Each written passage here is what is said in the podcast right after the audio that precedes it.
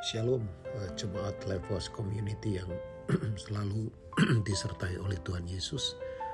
Kalau kita membaca di Yeremia 31 ayat yang ketiga, Alkitab berkata, Dari jauh Tuhan menampakkan diri kepadanya, Aku mengasihi engkau dengan kasih yang kekal, sebab itu aku melanjutkan kasih setiaku kepadamu. Konteks dari Yeremia 31, titlenya adalah perjanjian baru. Uh, Bapak Ibu semua yang Tuhan Yesus kasihi, bahwa Tuhan kita adalah Tuhan yang kesetiaannya tidak perlu kita ragukan lagi. Dari mulai Abraham, Ishak dan Yakub, dia selalu membuat uh, perjanjian. Ya, dia selalu tidak hanya membuat tapi memegang dengan setia perjanjiannya. Kenapa mesti ada istilah perjanjian baru? Karena harus diakui bahwa dari pihak manusialah yang selalu tidak setia. Tapi di tiap generasi Tuhan kemudian memperbarui uh, perjanjian itu. Nah pertanyaannya, untuk apa sih perjanjian itu dibuat? Kita tahu perjanjian definisinya adalah agreement atau persetujuan dari dua belah pihak, di mana masing-masing pihak harus melakukan bagiannya. Dari pihak Tuhan jelas, dia pasti menyertai, dia pasti melindungi, memberkati kita dari pihak kita, kita harus hidup dalam ketaatan beribadah dengan segenap hati. Nah, maksud dari perjanjian adalah supaya manusia itu mengenal pribadi dan jalan-jalan Tuhan. Ya, apa yang memang Tuhan mau. Sebab begini Bapak Ibu semua, pengenalan dan kesetiaan itu harus paralel berjalan bersama-sama. Ya, sebab orang kalau mengenal Tuhan, maka dia akan gampang sekali untuk hidup dalam kesetiaan. Nah, di tiap generasi Tuhan mau selalu bergaul dengan orang-orang yang mengenal Dia dan setia dengan perjanjian-perjanjiannya. Tentunya lewat firman Tuhan.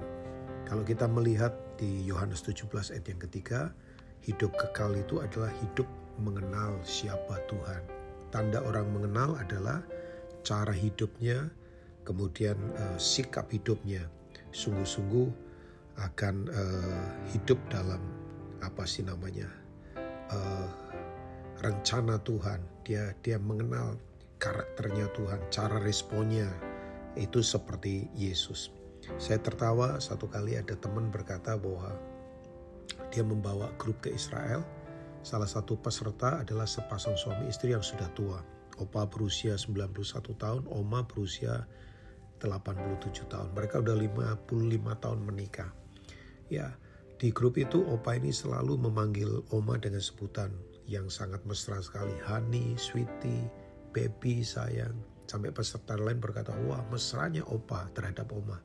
Tapi tahu jawabannya Opa. Opanya berkata, karena Opa selama menikah dengan Oma, 55 tahun sudah menikah. Sampai Opa lupa nama dari Oma. Semua tertawa. Tapi kebanyakan orang uh, percaya kan kita seakan-akan kita nyebut-nyebut nama Tuhan, tapi pertanyaannya, apakah kita mengenal dengan setia karakter dan sifatnya yang termanifestasi dalam kehidupan kita? Nah, yang berikutnya, perjanjian itu penting karena supaya manusia bisa mengetahui tanggung jawabnya. Banyak orang Kristen nyanyi, melompat, bertepuk tangan, nari-nari di kebaktian misalnya. Tapi pertanyaannya, apakah dia tahu tanggung jawabnya? Pertumbuhan hanya bisa terjadi ketika kita berani mengambil tanggung jawab. Karena ciri dari orang yang uh, tidak bertanggung jawab pasti tidak dewasa. Ya masa bodoh, pasif. Ya orang-orang yang seperti ini gampang sekali dikalahkan dalam pertempuran kehidupan.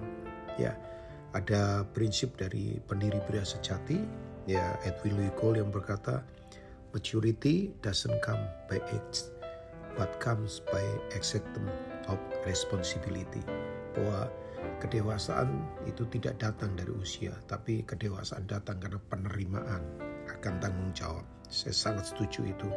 Jadi saya mengajak mari uh, semua rekan-rekan saudara-saudara yang ada di Levos, kita berani ambil tanggung jawab, bertanggung jawab secara pribadi, waktu-waktu doa kita, karakter kita berdoa adalah uh, bertanggung jawab secara keluarga, ya sebagai suami, sebagai istri, bertanggung jawab juga dalam pekerjaan kita, hasilkan yang terbaik. Saya ingatkan, satu kali semua bentuk kepercayaan pasti akan dituntut tanggung jawab. Ya, kalau kita melihat uh, perumpamaan tentang talenta, satu kali Tuhan itu akan datang meminta tanggung jawab. Tuhan Yesus memberkati semua yang ada di Levos Community. Amin.